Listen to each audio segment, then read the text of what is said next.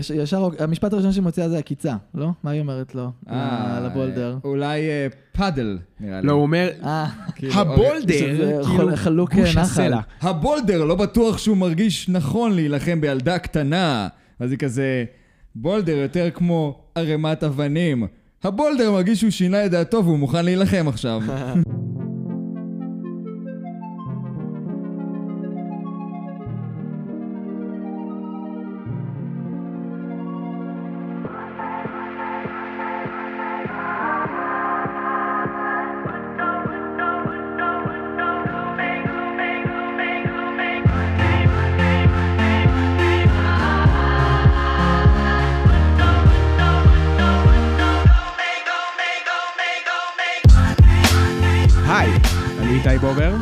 שורש. ואני עידני סעדה. עידני. דני הצטרף אלינו היום. היום אנחנו מסקרים את פרק מספר 26, The Blind Bandit, או בעברית, איך הוא נקרא? אה, וואי, אין לי. מושג. בוא נקרא לזה הבנדיטית העיוורת. הבנדיטית העיוורת. הולך. הבנדיטים שכבשו את מדינת ישראל אז בתקופת הבריטים. אז. עידני, מי אתה? תספר לנו קצת אה. מי אתה, מה הרקע שלך. אמ, אז אני מרגיש שאני גיק בפוטנציה, נפתח, נפתח את זה בשם, פשוט אין לי אף פעם עם מי לממש את הגיקיות שלי, אז אה, אפילו לבשתי את המדים, אה, סתם, משהו הרגיש לי אה, כן. קרוב. חולצת המרוויל? שלך. כן? חולצת מארוול. חולצת מארוול. למאזינים, צריך לתאר להם את זה. כן, להזדהות עם סקרלט ג'ואנסון במאבק הצודק שלה, סתם. בכל מקרה, אני בוגר טרי של לימודי משחק, אני גם מעשה, ואני גם אה, מנחה שעשועון טלוויזיוני שאנחנו עושים ל- ל- לחברות וארגונים, איזשהו עסק שלי. וואלה. נקרא Zoom Quiz. אה, כן, אירוע- זה אירוע די אה, כיף ומשעשע שאנחנו עושים. אם אתם מכירים pub quiz, אז זה רץ על הקונספט הזה. מגניב. אה, זה כאילו, זה זה משהו שבסגנון Kahoot, כאילו? לא, לא. אוקיי, אם- ממש שעשועון. אם, אתם, אם הייתם מכירים pub quiz, אז זה היה ממש ברור לכם, אבל זה בגדול משחק שעשוי אה, מסבבים. אתה חייב לשחק את זה עם קבוצה, אין סיכוי שתדע, אין סיכוי שתדע כל כך הרבה אה, תחומים לבד, אה, כמו 20 שאלות של הארץ, כזה. אוקיי. שאלות, Mm. אה, זה, ו- אבל יש גם סיבובים אה, מוזיקליים, סבבים אה, ויזואליים, כל מיני דברים מתפרצים שהוספנו. מגניב. מה מה אני צריך לחפש בגוגל כדי למצוא את זה? זום קוויז. זום קוויז. זום קוויז. אנחנו- יאללה, קטלני. אנחנו שם. אז- זה, באמת- זה התחיל בזום, ד- ועכשיו זה... דרך הבא. אגב, אנחנו כל יום שישי המשפחה, אנחנו יושבים וקוראים את השאלון של הארץ. וואי וואי. השאלון הכי קשה בארץ. כן? זה שאלון הכי. קשה בארץ, אנחנו לא עושים את זה. טה-טה-טה, משחק מילים. אמ, זה אומר, לצד זה אני עוד, עוד כל מיני שטויות. אני בקיצים אני מרכז ומנהל מחנה קיץ טכנולוגי שקורה בארץ, ואני מלווה עכשיו קהילה של סטודנטים בלוד, אני אומר, זה endless. וואו. ואתה אוהב אבטאר. ואתה אוהב אבטאר. ואני, וואי, אני literally חושב שזו הסדרת האנימציה הכי טובה, ואני אומר, המתחרה שלה זה X-Men של ה nineties, זה כאילו ה... וואו. אז יש לנו פה בן אדם מבין עניין, אחושרמוטה, ווואלה, איזה כיף שבאת, אחי, ואיזה עסקן אתה, אלוהים שמור. וואי, מה, אני. חושב שאני עסוק, אה? קיצור, יפה, נצלול לפרק. נצלול לפרק. אז אנחנו מתחילים, אנחנו מתחילים את הפרק בזה שאנחנו וה gang מגיעים לכפר שקוראים לו גאולינג. בעצם אנחנו מגיעים לשם בחיפוש אחרי מורה לכשפות אדמה. אנחנו מתחילים בסצנה הראשונה בזה שסוקה מתלבט עם לקנות איזשהו תיק, ובסוף הוא קונה אותו, ועוצר אותנו איזשהו בן אדם שעכשיו אה, מחלק פליירים ברחוב. אומר להם, היי, תקשיבו, ילדים, אתם אוהבים כשפות אדמה? בואו, בואו, כאילו מנסה לה- להישמע מסתורי כזה, היי, אתם אוהבים כשפות אדמה? אוהבים לזרוק אבנים? יאללה, בואו, אוהבים לזרוק אבנים. שיבוא פה, הוא יכול לבוא פה ליד בכמה כפרים ערבים. יהיו לו הרבה חבר'ה שירצו לא, להצטרף. הולך לשטחים. היי, אוהבים לזרוק אבנים? איך ידעת? זה התחביב שלי. כן, גם בחבר'ה... סטריאוטיפים עם גיל, איתי ועידני. לא, יכול גם אה. ללכת לחבר'ה המתנחלים, גם הם אוהבים, זה בסדר. תומר, גם אני אוהב לזרוק אבנים. אוקיי, אני גם ממש טוב בזה, כן. ממש. להקפיץ- אף פעם- להקפיץ על מה גם, התכוונת. גם להקפיץ וגם לזרוק למרחק, עדיין לא ניצחו אותי. בזריקת אבן למרחק. אני מאשר שזה נכון. אני מרגיש. שחייבים לעשות את זה גם עם תנוחה כזה של אש קאצ'אם כשזורקים. כן, לא, אני חייב, גם אני צריך לסובב את הכובע אחורה, ולעשות, אני גיל שורש ממושב לכיש, ואני אתפוס את כולם, ואז אני יכול לזרוק, רק אז.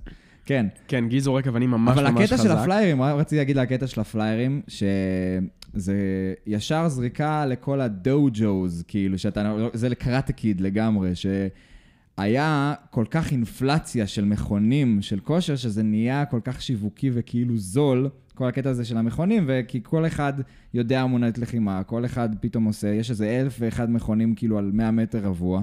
אז uh, נהיה לך כזה גם קטע כזה שיווקי של כזה, בוא, אתה חייב להתאמן אצלי, שלא שיגנו עליך מהשודדים ברחוב, וזה נהיה אינפלציה מטורפת בכל אסיה של האומנות לחימה, אז וגם זה אחרי זה הלך לארה"ב עד כמה שאני מבין. כל הקטע הזה של, ה...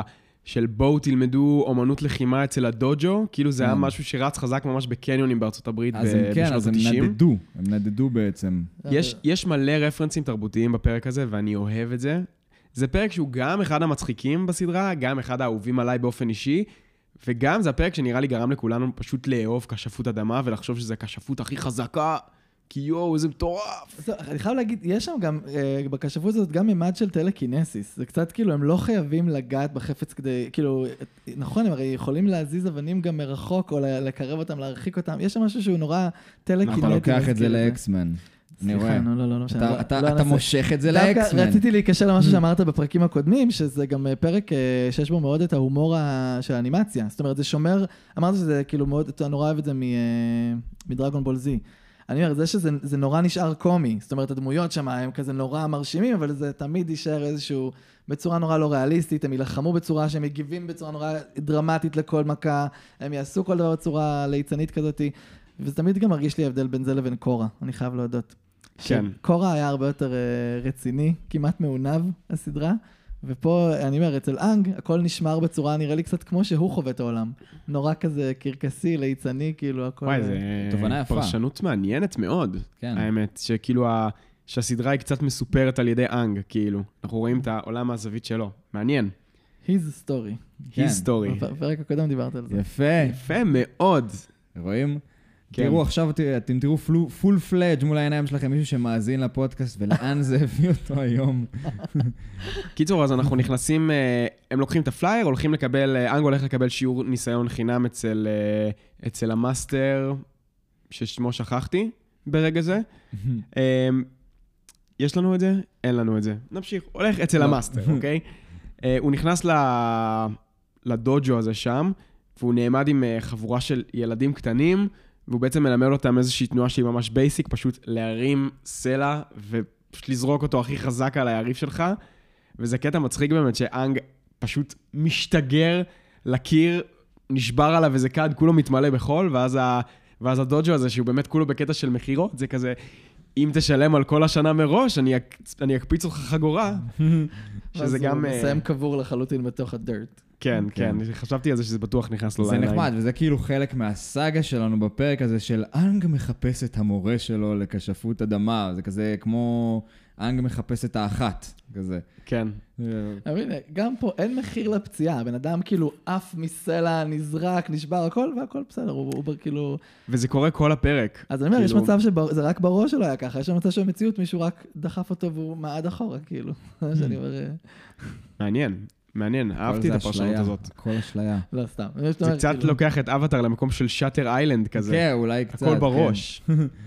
אז כן, אז אנג מחפש אהבה, ומחליטים לנסות למצוא את ה master של אנג. נכון. ואז אה, שורה תחתונה, הם יוצאים, אה, יוצאים מהמקום הזה, אומר, הוא אומר לקטרה ולסוקה שאוקיי, תשמעו, זה לא זה, הוא לא האחד, ובואו נמשיך בחיפושים.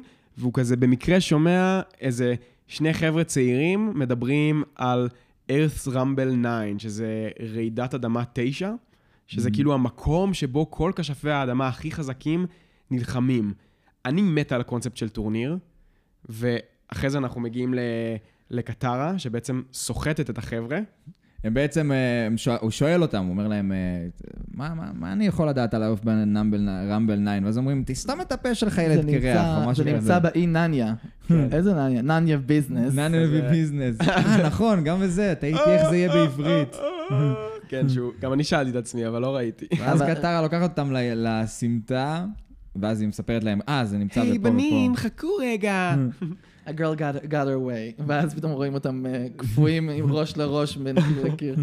יוצרים וואי, זה- קטע ענק, לדעתי. כן, זה קטע מעניין ענק. כמה זמן לקח להם להפשיר שם. זהו, רק, רק חשוב להזכיר שהוא קיבל הוראות ברורות לגבי אה, מי אמור להיות המאמן שלו. זה צריך להיות מישהו שמקשיב ואז אה, תוקף, משהו כזה, נכון? נכון. בומי נתן לו הדרכה בעצם, ראינו את זה גם. זה גם, אגב, הפרק הראשון שבו אנחנו מקבלים את previously, כאילו בפרקים הקודמים באבטאר, זה הפרק הראשון שבו יש את זה, רק עכשיו הם התחילו לעשות את זה.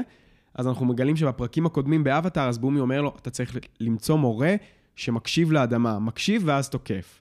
אז זה החיפוש שלנו בעצם במהלך הפרק הזה. אה, נחמד מצד שהוא לפחות הביא קו מנחה. כן. לא מתאים לו. מפה לשם, אתה צריך למצוא מורה שקודם כל מקשיב ואז תוקף אנג. סיכוי מאוד גדול שזה הקול שלו במדויק בעברית. כן. כן, זה. טוב, זה טוב. אם יעשו, אתה יודע, אם יעשו איזה... רימייק, איזה? רימייק, אתה, כן, אתה דיבור צריך על ללכת. לא? כן, אתה צריך ללכת ל- אני רוצה. לדובב את כל הדמויות, מה זאת אומרת? האמת שזה יכול להיות קונספט מגניב, אתה יודע? סדרת אנימציה שיש מדובב אחד לכולם. קצת. style ריק ומורטי. Big Mouth זה קצת ככה. כאילו, כן. רוב הדמויות מדובבות על ידי היוצר. וואלה, נכון. גם בריק ומורטי זה ככה. The Hormone Monsters. What up? אתם יודעים, בריק ומורטי היוצר עושה גם את ריק וגם את מורטי. כן. אני ראיתי רק פרק אחד מהסדרה הזאת. מריק ומורטי? תתבייש לך. אמרתי לך, זה- אני- אני גיק בפוטנציה, לא באמת. כאילו, כן. זה... וואי, וואי, וואי, אני... אז הם מגיעים ל-Earth Rumble כן, earth rumble 9, כאילו ה... איזה חשוב היה להגיד את המספר הזה, כאילו לא היה, לא, המקום הזה לא היה כמו שהוא אם לא היו מוסיפים את המספר 9. מה קרה ל-1, שהוא 2, חזק. 3, 4, כן, 5, 6, 7, 8? אתה מבין, זה מרגיש כמו מספרים נמוכים, תשע מרגיש חזק. נראה לי זה כל כך מתאים לשנות ה-80 כזה, שכל גאדג'ט חדש היה חייב להדביק לו מספר. כן. This is the uh, vacuum 9000. נכון. מה הוא יותר טוב מה-8000? קיצור, אז. פה אנחנו, אנחנו מקבלים פה בעצם איזשהו רפרנס ל-WWE של פעם, לכאילו WWF. WWF, נכון. ש... אז בעצם מה שקורה, אנחנו מקבלים את uh, שין יו, אני חושב שקוראים לו, מהמם. שזה בעצם הבחור שהוא ההוסט, הוא המארח של, של כל הדבר הזה, ב, נגיד, ב, אם היינו מסתכלים על WWF, זה היה הבן אדם שיורד המיקרופון מהתקרה והוא מחזיק אותו ואומר, Welcome to Earth Rumble 9. בפינה הימנית יש לנו... ובפינה השמאלית. כל הדרך מ... כן, כן. הגיע אלינו. כן, בפינה השמאלית. אנחנו מקבלים במשקל את... 90 קילוגרם. כן. The Big Bad Hippo! ואז כולם כזה... קיצור, עשו את זה בצורה ממש ממש טובה. ולמה עשו את זה טוב כל כך, אוקיי? קבלו, הנה, אם אתם רוצים סגמנט, עובדה מעניינת, מספר אחד. הידעתם. הבולדר, בעצם הבחור שאנחנו מקבלים שם... אה, שהוא האלוף, הוא מנצח את... אה, כן. הוא בעצם, המדובב שלו הוא מתאגרף אמיתי, מיק פולי, שהוא מתאבק, מתאבק אמריקאי מה-WWE, שבעצם הוא בהתחלה התחיל ב-WWF, הוא יצא משם, ואחרי זה הוא חזר כש, כשהתחיל ה-WWE, והוא היה בעצם הבן אדם, הוא היה היריב של אה, The Undertaker. אם מישהו פה ראה WWE, זה כאילו הקברן, שהוא היה אחד מהדמויות הכי אייקוניות שהיו שם, אז הוא היה כאילו ה... הבן אדם שאמור לתת לו קונטרה. אז אשכרה לקחו אותו בתור, ה, בתור המדובב, שאגב, הבן אדם הזה גם הפך אחר כך להיות uh, שחקן וקומיקאי, ואני ממש ממש אהבתי את זה, שהוא מדבר לעצמו בגוף שלישי, בהתחלה רק בזירה. כאילו אתה אומר, אוקיי, זה חלק מהמשחק. ואז הם עשו פה בדיחה ענקית, כי אתה אומר, אוקיי, זה חלק מהשואו, הם לא באמת נלחמים, הוא מדבר, כי כולנו יודעים ש-WWE היה מזויף. כן. ואז פתאום הוא יוצא מהזירה, ואנחנו רואים שהוא ממשיך לדבר לעצמו כמו שהוא מדבר בזירה, וזה שבר אותי מצחוק. זהו, זה גם באמת, אה, גם במציאות זה היה משהו שהוא תמיד שמר על גבול קומי, תמיד, שזה לא יראה אלים מדי, כאילו, שזה, הם מפילים אחד ששוברים כיסאות, אבל עדיין יש, הכל נורא מוגזם, הכל, גם הרבה מהתלבושות שלהם היו מאוד מוגזמות, ובאמת, כשראיתי את הפרק, הרגשתי, אין סיכוי שזה מקרי, היה שם, כל הלוחמים היו מאוד ספציפיים. אמרתי, בטוח יש רפרנסים, אז זה ממש אה, ענה לי על השאלה הזאת, מה שאמרת עכשיו. נכון, יש מלא רפרנסים בפרק הזה, ואז אנחנו מתחילים את הקרב. גיל, מה חשבת על הקרב? על הקרב הראשון. על הקרב הראשון. כאילו, בהתחלה, אז בגלל שזה נותן לך כל כך הרבה vibe של WWE, אז אתה כאילו, כשאני צופה בזה עוד פעם, אני כאילו אומר לעצמי, אה, רגע, זה היה כאילו גם מזויף? זה היה כאילו מבוים? לא, זה לא היה מבוים, פשוט זה שני אנשים שהם כאלה, הם שניהם trash talker ים כאילו מוזרים שמתנהגים כאילו ב-WWE, אבל הם נלחמים אמיתי, ובאמת מישהו אמור לנצח ולהפסיד. ואז זה, זה היה קצת מוזר, אבל הבולדר... הבולדר לא מפחד מכלום, אני, ה- הבולדר ינצח. והיא פה, הלק סמש. אגב, המקפולי הזה, הוא איבד אוזן בתאונה בקרב ה-WWE, תאונה לא מתוכננת, כן? זה. קרב מבוים, והוא איבד אוזן לגמרי, אין לו, אין לו היום את אוזן שמאל. אני אגלה לכם uh, במאמר מוסגר, שעכשיו בשנה האחרונה הייתי באנסמבל שעושה uh, קרבות uh, במה, כמו. WWE. Uh, אפילו התמחיתי בריי מיסטיריו, אם אתם מכירים את התנועה. של בטח. חדר המתגלגלים. אני אני אראה. לך אחר כך סרטונים. אני יודע שהגוף שלי לא מרמז על בן אדם שעושה דברים כאלה, אבל אה, ממש, אה, אני טוב בלהרים אנשים, זה המומחיות. בויקה בויקה, 619 and בויקה בויקה, ריי מיסטיריו?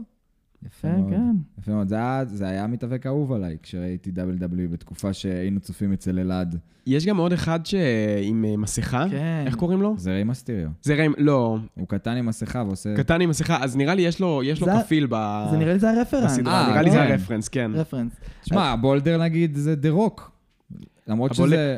עוד עובדה מעניינת, מספר 2, יוצרי הסדרה בהתחלה רצו ללהק את The Rock בתור הבולדר, בהצלחה.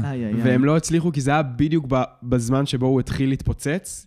כאילו אז הוא היה עוד ב-WWE, ובדיוק בתקופה שבה הוא התחיל לשחק גם בסרטים, והם לא הצליחו לא היה להשיג להם את אותו. התקציב הזה, לא אז הם לא ידעו. שהסדרה, הם Nickelodeon לא ידעו שהסדרה הזאת תהיה סדרת האנימציה שנחשבת הכי טובה בעולם, ב-IMDb, שהיא תהיה. כל כך גדולה. ולא היה להם תקציב כזה, הם חשבו ש... למרות שכשהם החליטו לכתוב את הסדרה, הבמאי, המנהל שם, אמר לבמאי של הסדרה, לכותבים, אנחנו רוצים סדרה שתהיה כאילו מתחרה להארי פוטר, Star Wars ו Lord of the Rings. כאילו, תבנה לנו עולם שלם. אז זה היה הקו המנחה כשהם התחילו לכתוב את זה. אז זה גם יפה לדעת. רגע, כאילו פנו אליהם בבקשה לכתוב סדרה? לא. אתה, כן, אתה עושה כמו contract, הם אומרים, אנחנו רוצים ליצור סדרה שהיא תהיה ככה וככה וככה, פוגשים את אנשי הקריאייטיב, אנשי התסריט, אנשי ה... שיודעים לעשות את הדברים האלה. אוקיי, עכשיו תתחילו לבנות לנו story line על הבסיס זה. הם, הם באו עם הזה, אנחנו צריכים שיהיה לנו סדרה שיש לה עולם שלם. חשבתי, חשבתי תמיד שזה היה רעיון שהפך להיות, כאילו של רעיון ש, ששני יוצרי הסדרה פיתחו אותו, ואז הם הלכו לעשות פיץ' לניקולודיון והם זהו, פשוט לקחו לא. את זה. ניקולודיון פתחו איזשהו ספוט כאילו, והם היו צריכים למצוא אנשים שימלאו אותו. מעניין. כן. קול. אמ, כן, יפה, ואז יש לנו את הקרב בעצם, והבולדר מנצח בצורה ססגונית נגד ההיפו, שאין גם עולה לי. שאלה רגע. כן. אני אומר, בקורה זה מאוד מאוד בולט הקונספט של הזירת קרב. אני אומר, זה, זה חזר עוד ב... ב... בכשף האוויר האחרון, לא, וחבל. זהו, זה... גם בדרגון בול כבר דיברנו, אלה היו הדברים האהובים עליי בסדרה. כל הטורנירים שבהם פשוט יש רק קרבות, זה היה כאילו החלקים האהובים עליי. כן, זה היה, אז יש היה לזה בזה פינה רגע... בלב שלי. כן, אני, אני מסכים, היה בזה משהו אה, כאילו מרגש, וכזה תחושה של, אה, טוב, מתי, מתי, מתי עוד פעם? מתי נפגשים שוב? כן. מתי דייט שני? אם אתם, אם. אתם גם המאזינים וגם אתם, אתם אוהבים אה, דברים כאלה של טורנירים, אז יש כמה אנימות שממש יתאימו לכם, נגיד כמו קורוקו high school basketball, שזה כאילו פשוט תחרויות כדורסל בין קבוצות. High School אם- Musical. High School Musical, וואו. I wanna play at the ball, נה נה נה נה, לא יודע. זה שיר. אמיתי אגב, כן. כן. מישהו שאל את עצמו. ולא זייפתי גם, זה היה מדויק. ככה זה נשמע גם. קיצור, אז אה, הם מתחילים את הקרבות, הם מתיישבים בשורה הראשונה, הם לא מבינים מה אף אחד לא יושב שם, עף עליהם בולדר ענקי כן. לידם, ואז אה, בעצם אה, עולה המנצחת. לא, רגע, קודם כל יש לנו Fire Nation Man. אה, נכון, פרופגנדה קצת. קצת כן. פרופוגנדה. שלא תגידו שרק אומת האש הם היחידים שמביאים כאילו את האבטר כדמות מרושעת ושוטפים לילדים את המוח, גם בזירת האיירפרם. אז בעצם אני אסביר, לה, אני אסביר למאזינים מה קורה שם בעצם. ברגע ש, שהבולדר מעיף את ההיפו מהזירה, בעצם הוא מרים אותו. אגב, יש לנו פה מאוד מאוד דגש על זה שכשפות אדמה זה כשפות של כוח. צריך שרירים, צריך להיות חזק וגדול כדי לנצח בקרבות, שזה בדיוק כדי לתת לנו את הקונטרה שאנחנו מקבלים אחרי זה מטוב שהיא עולה. אה, קיצור, אז מגיע איש שלבוש כולו בבגדים של אומת האש, עם דגל של אומת האש, והוא, הדבר הראשון שהוא עושה כשהוא מגיע לבמה, זה פשוט קורע ברך ומתחיל לשיר את ההמנון של אומת האש. לא יודע אם זה המנון מומצא, אבל ככה זה נשמע זה היה לפחות. נשמע כמו, כמו בורת שר את ההמנון של קזחסטן בסרט. נכון. קזחסטן is the greatest nation, the world, ככה. fire nation is אגב, good.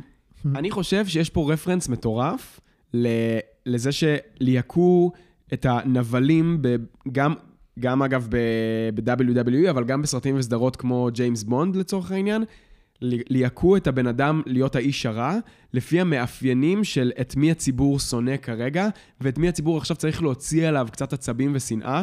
תשימו לב שנתנו לה Fire Nation Man מבטא רוסי בגרסה האנגלית. אתם שמתם לב לזה? לא לב אבל זה לא, כזה הוא- אמריקאי הוא היה עם קלאסי. מבטא, הוא היה עם מבטא, הוא צודק. הוא היה עם מבטא רוסי. אתה פתחת אצלי גם עכשיו אה, קישור ויקיפדיה ענק. יאללה, אה, סע. לא, לווילאנס של דיסני. Mm. אם תשימו לב, הם, אה, תמיד אה, מחוץ לחברה, הם תמיד רווקים ורווקות, אה, ותמיד, אה, אם זה גברים אז הם יהיו מאוד נשיים ומאוד עדינים וכאלו, ואם זה נשים אז הם יהיו מאוד מאוד אה, אה, גסות. אה, ואפילו, אני, כאילו, החמור ביותר, אה, אורסולה, מבת הים הקטנה.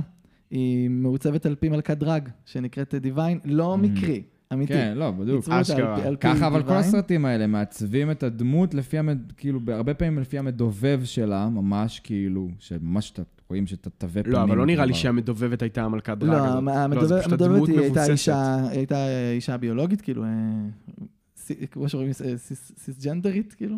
אה, אבל אה, מה שרציתי להגיד, זה שכאילו, באמת פעם, אם תחשבו על הרפרנסים פעם של מי הוא היה- היו להט"בים, זה היה הדודים המוזרים שלא מדברים עליהם לידם, כאילו, זה היה כזה אנשים מבוגרים ורווקים, זה קצת היה הדימוי עליהם, נראה לי, בתרבות האמריקאית של כזה 50's, 70's, 80's, 90's, כאילו... וואי, תחשבו כמה, כמה כאילו דיסני יש לה חלק עצום לדעתי בתודעה. עיצוב תודה. כאילו, הם, הם מעצבים את התודעה של כולנו בתור ילדים, ואני חושב שהם אה, ממש עיכבו אותנו. וואי, אבל אני מרגיש שזה, מה זה דילג עליי, כל הדימויים של אה, נסיכות, זה, אני נורא קיבלתי את הערכים. כאילו, גדל, אני חושב שאני מרגיש שזה גידל אותי ל... זה בטוח השפיע באיזשהו מקום. אבל תראה, הם גם מאוד בקטע של אה, זכויות בעלי חיים. שאגב, אפרופו אה, זכויות בעלי חיים, זה למה WWF החליפו את השם ל-WWE. למה? בגלל הארגון העולמי שנקרא WWF, שהוא, אה, לא זוכר מתי ראשי תיבות, אבל זה ל- לשימור בעלי חיים, אה, בעלי חיים אה, בעולם, כאילו, מהמם. זכויות בעלי חיים בעולם. World Wild Foundation. בטוח. וואי, טוב, יפה. זה. Find... טוב Wild- מאוד. Wild World Foundation, אולי. כן. יש מצב. מעניין, לא, זה, זה יפה, גם קרואלה. דה וויל כזה, היא קצת כזאת, היא, לא, היא אמנם לא דראג בכלל, ולא לא. בעיצוב שלה, והיא גם היא כזאת... היא קצת דראג. היא כן, טיפה דראג. היא, לא, יש לה אופי כזה דראג, אבל היא אישה ביולוגית כביכול, לא יודע, יכול להיות. כן, כן. אם ראיתם את הסרט קרואלה. ראיתי. חבר'ה, חבר'ה, אתם פותחים לי פה כן, רפרנסים. ראיתי והתאכזבתי, אפשר להמשיך. אה, אהבתי, אהבתי. אתה אהבת? לא, אני יכול להסכים איתו לא שיש שם דברים על כן. גבול הלא ריאליים ומוזרים, אבל האופנה שם מטורפת, כאילו. אה, אני אהבתי את. ה story line, כאילו כזה, של ה... כן, אהבתי. כן, היא רוצה להכין מעילים מכלבים, כי כלבים הרגו את אימא שלה. הרגשתי שאני כן, יכול לקחת הרגשתי מלא... שזה- שזה מניע, כאילו, מה זה לא- לא מספק? גם ממש יכולנו לחיות בלעדיו, חברים. תנו לנו פשוט אישה שקשה לה כי היא ענייה ויתומה, אנחנו נסתדר עם זה. לא היה צריך נכון, להרוג לא- את הכלבים. נכון. היא לא הרגת לכלבים. לא, לא. הכלבים הרגו את אימא שלה, הכלבים דלמטים. נכון, אבל בשום ש... בסוף היא אימצה את אותם כלבים, הפכו להיות הכלבים שלה. אבל כל הקטע של 101 כלבים דלמטים זה שהיא רוצה להכין אה. בסדר, אבל הסרט שיצא עכשיו מראה שהיא לא. היא, שהיא, שהיא, כאילו, מספר סיפור כזה כל שהיא לא הסיפור הייתה הזה בקטע. של לסלוח לרשעים עכשיו, דיסני... וואו, טוב, כן, חזרנו כל לסיפור. כל האנטי-הירוז האלה, אני אני כן, לא אז- לא אז מתחבר. אפרופו נבל על הזירה, אז יש לנו כן, סרטי נבלים, אני אני חושב שהם קצת הוציאו לנו את המיץ. בכל מקרה, יש לנו עכשיו, ככה, אז ברור שהכשף אש הזה שראינו קודם על ה- על הבמה, הוא לא עושה כלום חוץ מ... הוא לא עושה כלום חוץ מלהתחנן על שיחוסו על החיים שלו, פשוט משגרים אותו החוצה, הוא עף על הבולדר הענק שנמצא ליד סוקה, וסוקה כאילו מתחרבן עליו, אה, אכלת את זה, איי, המאניה. זה מה שמגיע לך! כן, הבולדר מרסק אותך. זה- זה לא שהוא הריץ את הבולדר לפני כן, נכון? הוא התחיל להריץ אותו הוא לפני התחיל חמש- להריץ אותו באותו רגע, וזה. קורע. זהו, זהו, כן, סוקה גם מייצג את הקהל של ה-WWE, כאילו.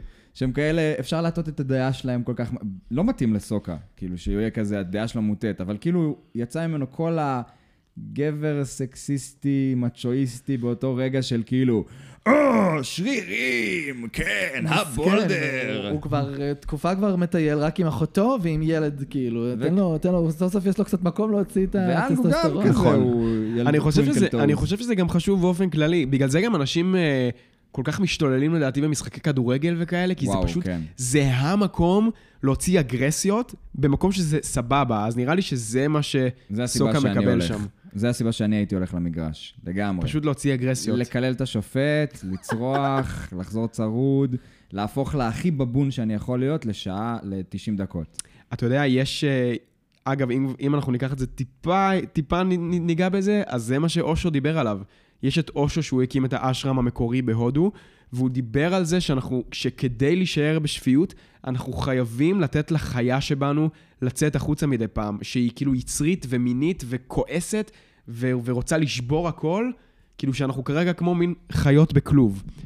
בכל מקרה, נמשיך הלאה. אנחנו מקבלים. איזשהו מונטאז' שהוא מזכיר לי קצת את uh, הרקולס, שהוא נלחם במפלצות, שאנחנו רואים איך, uh, איך הבולדר ככה מטפל אחד-אחד בכל, ה...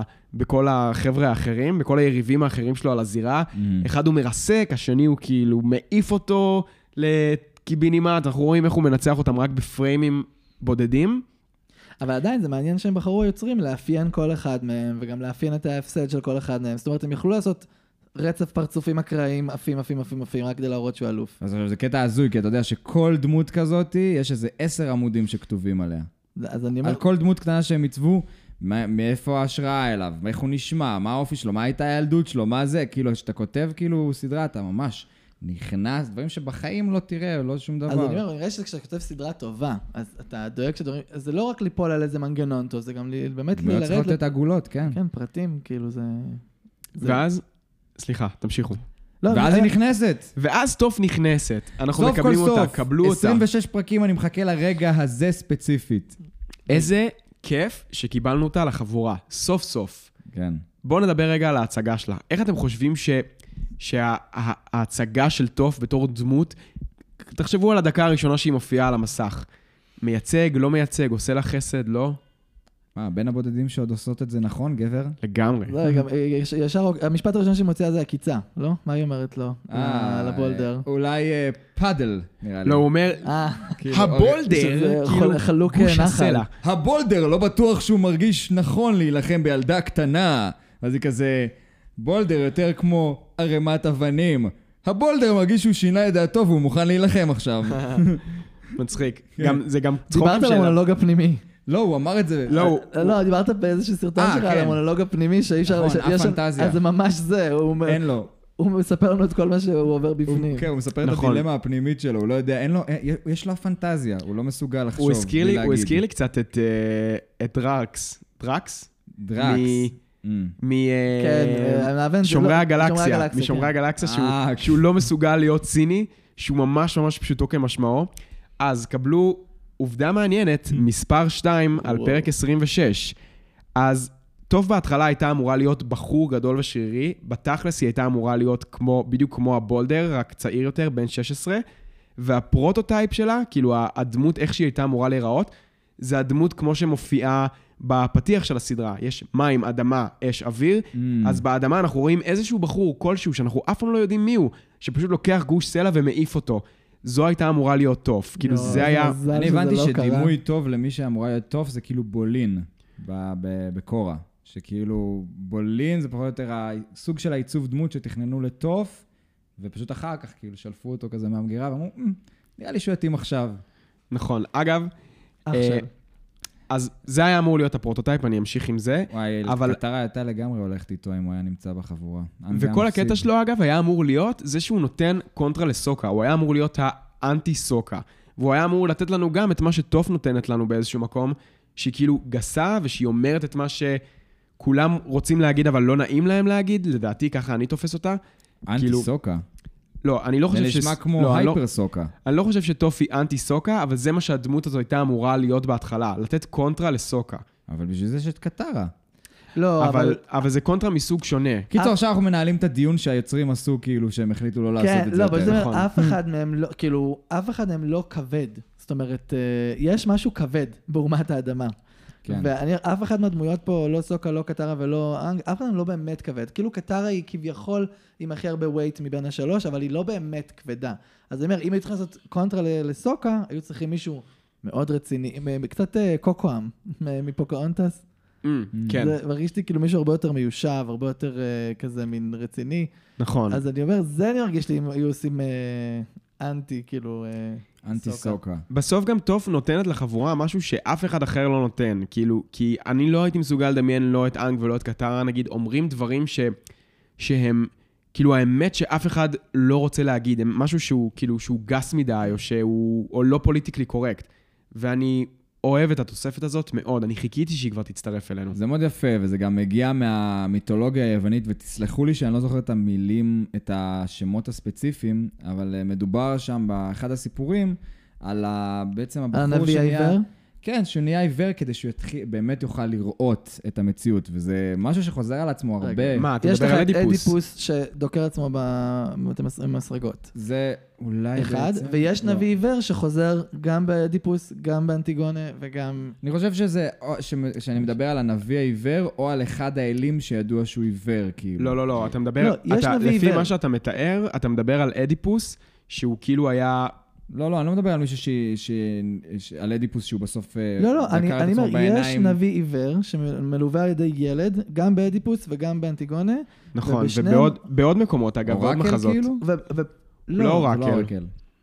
לא, לא, לא, זה אני- מה אני עוד שאופיר גנדלמן שיחקה. בהפקות של שמלצמן? כן, זה הקטע, כן. אני עוד שנייה אזכר איך קוראים לו, אני רק. אומר שהקטע הוא כן. שהוא היחיד שמעז לדבר אל המלך איך שבא לו. אז אני אומר. זה באמת מרגיש שיכול להיות רפרנס מתאים פה, כי באמת אין לה- אין לה בושה לילדה. כאילו, נכון. היא, אה, כן. גם, אנחנו, אה, אז טוף מייצגת לגמרי את, היא אולי עיוורת, אבל היא רואה באמת. ומעבר לזה שהיא רואה, אנחנו יודעים גם שלטוף יש את היכולת להרגיש שמישהו משקר, היא מרגישה את הרגשות, היא, היא רואה הרבה יותר מכל מי שנמצא סביבה. נכון. אז, אה, וזה יפה, כי זה רפרנס שחוזר על עצמו הרבה פעמים בתוכן. תחשבו איזה מורכב זה בשביל הסד... בשביל יוצרי הסדרה להעביר לנו בצורה ויזואלית איך היא רואה. הם עשו את זה בצורה כאילו מטורפת. אני חשבתי על זה ואמרתי לעצמי, וואלה, אם עכשיו היו אומרים לי, יש לך דמות שהיא עיוורת, אבל היא כאילו מרגישה את כל מה שמתרחש מסביבה. איך אתה מעביר את זה לצופים? שהיא מרגישה ויברציות באדמה, שהיא רואה דרך האמת שאני. מת על האנימציות שהם השתמשו בהן. וזה אנימציות? כן, אני... זה תלת. מימד פתאום, נכון? זה... זה CGI, אתה אומר?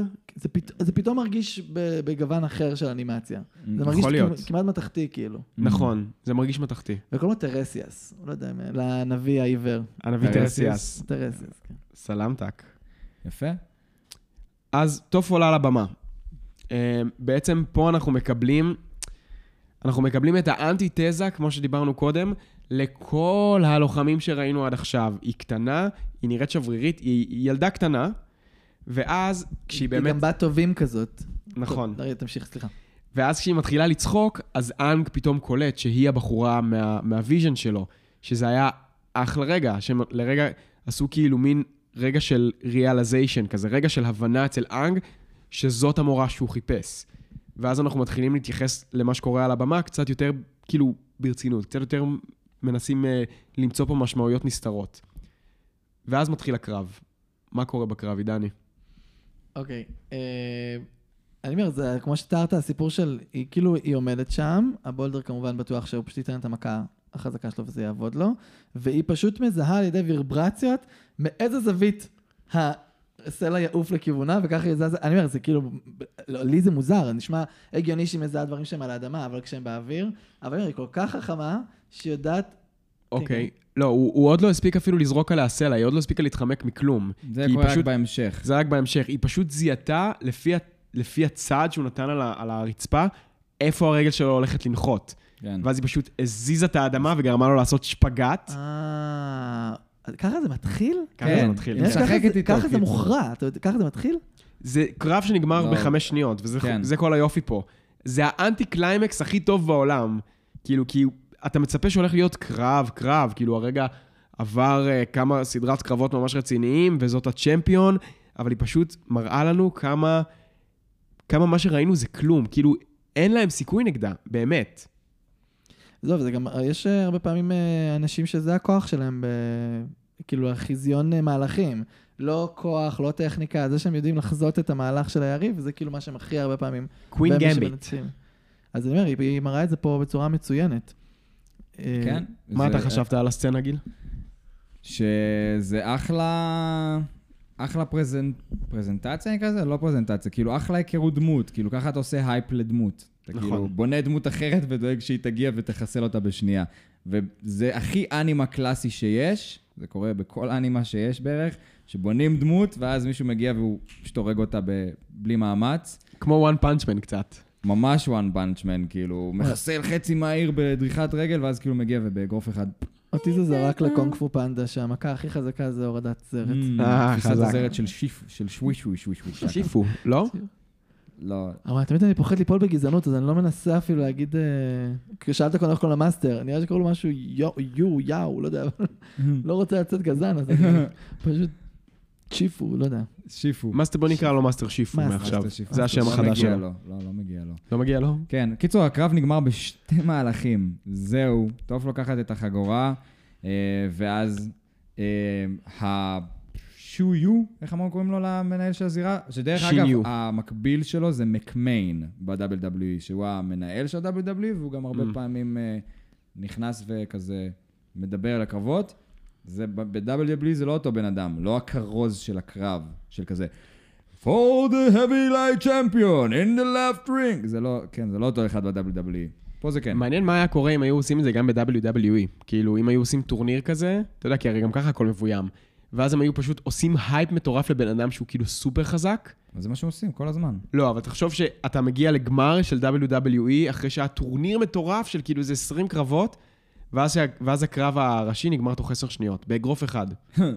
וואו. כאילו פשוט נותן אגרוף, והבן אדם השני פשוט בטוח גם עף. זה קרה. הם כבר עשו הכל. כן. כן, עשו הכל. עדיין יש אה, משהו, אני לא יודע מה, יש עדיין משהו... יש, אה, הם עושים דברים כאלה, נגיד הרואל רמבל, שזה כזה כולם בזירה, האחרון שנשאר עומד כאילו מנצח, אז כאילו יש מישהו אחד שניצח את כולם, ונראה לי היה איזה פעם אחת שכאילו פשוט ברגע האחרון מישהו נכנס, דפק לו כיסא בראש וניצח. זה כזה הכי אנטי קליימקס. אוקיי, בכל מקרה, ואז אה, מה שקורה זה שהם מציעים פרס כספי למי שיעז לנסות לנצח אותה. כן. אני אעשה את זה, אנג עולה על הבמה, כן. כזה הולך כולו קליל על הרגליים שלו, ואז טוף יורדת עליו. אתה באמת חושב שאנשים רוצים לראות שתי ילדות נלחמות? ואנג כאילו בלי אגו, הכל טוב, כאילו, על הזין שלי מה שאמרת עכשיו, בואי, בואי נדבר, אני רוצה שתהיי המורה שלי לכשפות אדמה. והיא פשוט מתעלמת ממנו ומנסה להוריד אותו, והיא באמת לא מצליחה לקחת אותו, כי הסגנון לחימה שלו הוא לא כמו שהיא מכירה, הוא קליל על הרגליים שלו, והיא לא מזהה את התנועות שהוא הולך לעשות. היא בחיים לא נלחמה זהו, בכשף היא אדמה. בחיים לא פגשה מישהו אוויר. ש... שמת... שמתנהג בצורה אנטומית בצורה הזאת, כאילו, היא לא יכולה לחזות מה הוא יכול לעשות, כי הוא, הוא, הוא קופץ ונשאר באוויר יותר זמן משאר האנשים, הוא בקושי אתה מרגיש כאילו... יש light. אה, עכשיו יש דפיקות על הדלת, סבבה, אתה שומע אותה מהמיטה, אבל במקרה של אנג זה כזה... לא, גם דיברנו על זה שהם כאילו חזקים וכבדים, הלוחמים של האדמה, ופתאום אה, מישהו כאילו בקושי נוגע ברצפה, כזה מלטף אותה, אחרי שכולם כן. כזה, "אה, עוד שנייה, לא יודע, כן. עברו לצד השני, כאילו. זה ממש מדגיש את ההבדל בין כשפות אדמה לכשפות אוויר, כאילו בסצנה הזאת ספציפית. וואו, כן. במיוחד, שמע, זה, היא ממש מסתמכת על זה, וזה ממש כאילו הkryptonite שלה. כן. בהמשך אבל היא לומדת את אנג וזהו, והלך עליו. אבל אה, כן, כי גם נותנים שם רמז כשהיא משתמשת גם באוזניים שלה, ולא רק בוויברציות. כן. יש שם, יש שם איזה קטע שהיא שומעת, ב- משתמשת בשמיעה שלה, בשביל נכון. לעשות אה, תקיפה. נכון. אבל זה- זה בהמשך קורה. בכל מקרה, אה, אנחנו מתקדמים לזה שאנג פשוט מעיף אותה מהבמה. הם, סוקה עולה ולוקח את השק של הזהב ואת החגורה, ובזמן הזה אנג רודף אחריה ואומר לה, רגע, רגע, חכי, כאילו, בואי, בואי נדבר, אני, אני לא רוצה, אני לא רוצה לריב איתך, אני רק רוצה לדבר איתך. והאגו שלה נפגע ממש, כי כאילו כל, ה, כל ההייפ שנוצר סביבה, היא כאילו כנראה הרגישה פתטית או משהו, על איך, ש, איך שהדברים נראו או הצטיירו, והיא פשוט נכנסת לתוך האדמה, סוגרת את הקיר מאחוריה, ועכשיו אנחנו מגיעים לחלק השני של הפרק. החלק שבו, לדעתי הפרק הזה מחולק לחלקים כמו, ה, לפי האלטר איגוז של, של טוף. יש את טוף הקשוחה שנמצאת על, ה, על הבמה, ויש את טוף הילדה הקטנה והמסכנה. אנחנו כרגע נפרדים מה, מהסאגה של טוף הקשוחה, ואנחנו הולכים לחפש עכשיו את טוף העדינה. אז, קח אותנו לשם. הם חוזרים, הם פוגשים את שני החבר'ה האלה של ה... אה, it's in none. נניה. נניה, it's in כן. נניה. none of your business. אבל זה קטע ענק, אחד הקטעים הכי טובים בפרק, שכזה, קטרה עושה, לס... עושה לו... הוא בא לשאול אותם על החזיר המעופף. כן. ואז הם כאילו, שוב פעם, כזה... איזה מתעלמים. מניע עלילה זה חיזיון? כאילו, כמה קל. אף אחד לא יודע מי. תשמע, ראיתי בחיזיון שלי חזיר מעופף. אה, אוקיי, משפחת בייפונג. כאילו, כמה קל. כן, אבל אז יש את הקטע ש... כזה קטרה, קודם כל, כדי שהם ידברו, עושה לה כזה מבט כזה, עושה לה את ה... מרימה עליהם stinky גבה. eye זה נקרא. stinky eye. זה כזה... ואז בסוף כשהם הולכים, סוקה כזה, water tribe out. זה היה מגניב. gangster style, זה היה. כן, זה קטע שהוא כאילו לא עושה כלום, אבל הוא לוקח קרדיט על ה... על מה זה הגנגסטריות. חיזוקים? לא, כי זה גם, זה גם, הקטע זה שלו, הרבה? פעמים הוא נופל. הוא נופל קצת לתחושת אה, נחיתות שלו לפעמים, שהוא אה, שהוא לא bender, ושהוא, אה, מה הוא תורם למסע הזה, כאילו. נכון. הוא כאילו אומר, אם אם הם כולם היו ראפרים, אז הוא האחד שאומר יואו. כן. יואו, יואו. אז, אה, אז כן, אז זה יפה. אבל אה, נראה לי שהוא נשען לתוך זה בקטע כיפי. הוא לא נראה לי שהיה לו רגישות נחיתות ברגע הזה. הוא היה כאילו, אני זרמתי תוך הדמות שלה. yo, water tribe out. יצא רון ויזלי out. קצת. וואי וואי. בקיצור, קיבלנו את הפיסת מידע הזאת של, אוקיי, אנחנו יודעים שמדובר במשפחת בייפונג, ועכשיו הם- אנחנו מגיעים בעצם למשהו שנראה כמו, כמו ארמון קטן. אה, כל, גם אמרו שם כל הדבר הזה שזה- נראה כמו ארמון. שזה הבית שלהם. משפחה עשירה, אולי הכי, אולי הבן אדם הכי עשיר בעולם. כן, זה זה לא. באמת נכון, אבל... לא, כנראה שזו הגזמה פראית. כן, זה כאילו קטע של הכפר. אבל uh, זה יפה, כי אם אנחנו כבר באומת האדמה, הבן אדם הכי עשיר שלא היה אי פעם, אבל בעידן המודרני זה רוקפלר. רוקפלר. רוקפלר? Mm. אבנים וזה, יש פה אולי איזה משמעות uh, נסתרת, אבנים וזה. זה קטע גם ש, שדווקא בממלכת האדמה יש הרבה יותר דגש על חומר. כאילו, רק, רק בממלכת האדמה אנחנו מקבלים את הקטע הזה של... כאילו, האמת שגם באומת האש קצת, אבל באומת ה... אה, בש, בשבטי המים ואצל נוודי האוויר, אין, אין התייחסות לכאילו מי הכי עשיר ומי הכי עני. כאילו, יש מין תחושת קהילתיות כזאת. ופה בממלכת האדמה, אז יש חומר, ויש את- את אותו, שהוא הכי עשיר ב- בעיירה, ואולי אפילו בעולם. כאילו, יש התעסקות בחומר. מעניין, נקודה שעלתה לי עכשיו. בכל מקרה, אנחנו מגיעים לטירה שלהם, והגנג עכשיו מתגנבים אה, מעל, ה, מעל הגדר, כי יש שומרים בכניסה, אה, ונכנסים, ונכנסים בעצם לתוך הבית.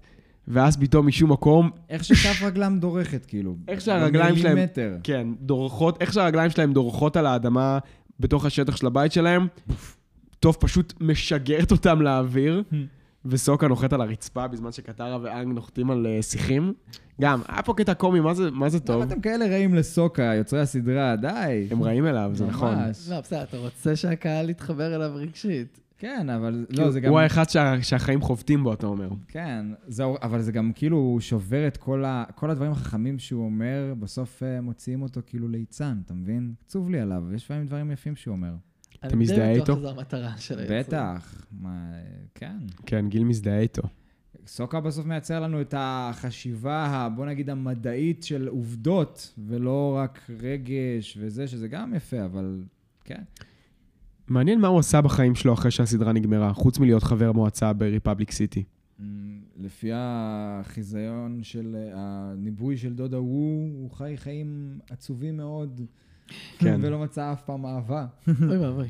חיים אומללים. אתה, אתה מייצר את רוב הסבל של עצמך, זה מה כן, שהיא אמרה לו. אבל אחרי שהוא מת, הוא הלך להיות עם יואה. אבל מה עם סוכי?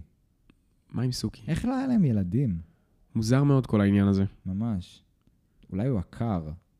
אולי, אולי אולי. היא הכרה. אולי היא עקרה. אולי חלק מהתהליך של להפוך להיות לוחמת קיושי זה שמוציאים לך את השחלות. אוי ואבוי, אוי ואבוי. כאילו כדי. להפוך אותם למכונות לחימה אולטימטיביות. וואו.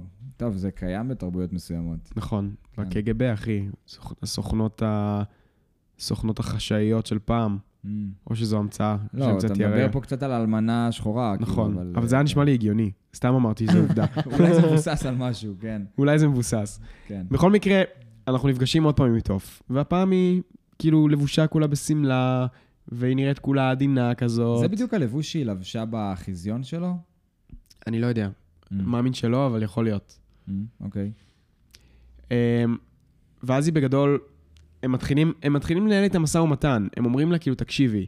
אנג מתחיל להגיד לה, כאילו, בצורה הכי מפוזרת שיש כזה, אה, כאילו, היא אומרת לו, מה אתה רוצה ממני? ואז הוא, הוא אומר לה, טוב, אז בעצם אה, ראיתי אותך בחיזיון, באיזושהי ביצה, ואיזשהו מלך זקן אמר לי שאני צריך להקשיב, למצוא מישהו שמקשיב לאדמה, ואז קטרה אומרת לו, סתום. אנג הוא האבטר, אנחנו צריכים את העזרה שלך, שתלמדי אותו כשפות אדמה, כי אחרת הוא לא יצליח לנצח את, אה, את שליט האש. ואז אה, היא אומרת, אוקיי, וואלה, fuck you, לא בעיה שלי. כאילו, לא, לא הבעיה שלי, תסתדרו אתם לבד, מה, מה אני קשורה לזה? מאוד מפונה, ישירה מפונקת מצידה. ממש. לא, ואז סוקה אומר, "אה, זו המשימה, עכשיו, אה, לא יודע אם לקרוא לזה הלאומית, הבינלאומית, צריך לנצח את אומת האש, וזה התפקיד שלך בחלק הזה. כולם לוקחים חלק בניצחון האבטר, וזה החלק שלך, את צריכה למלא אותו.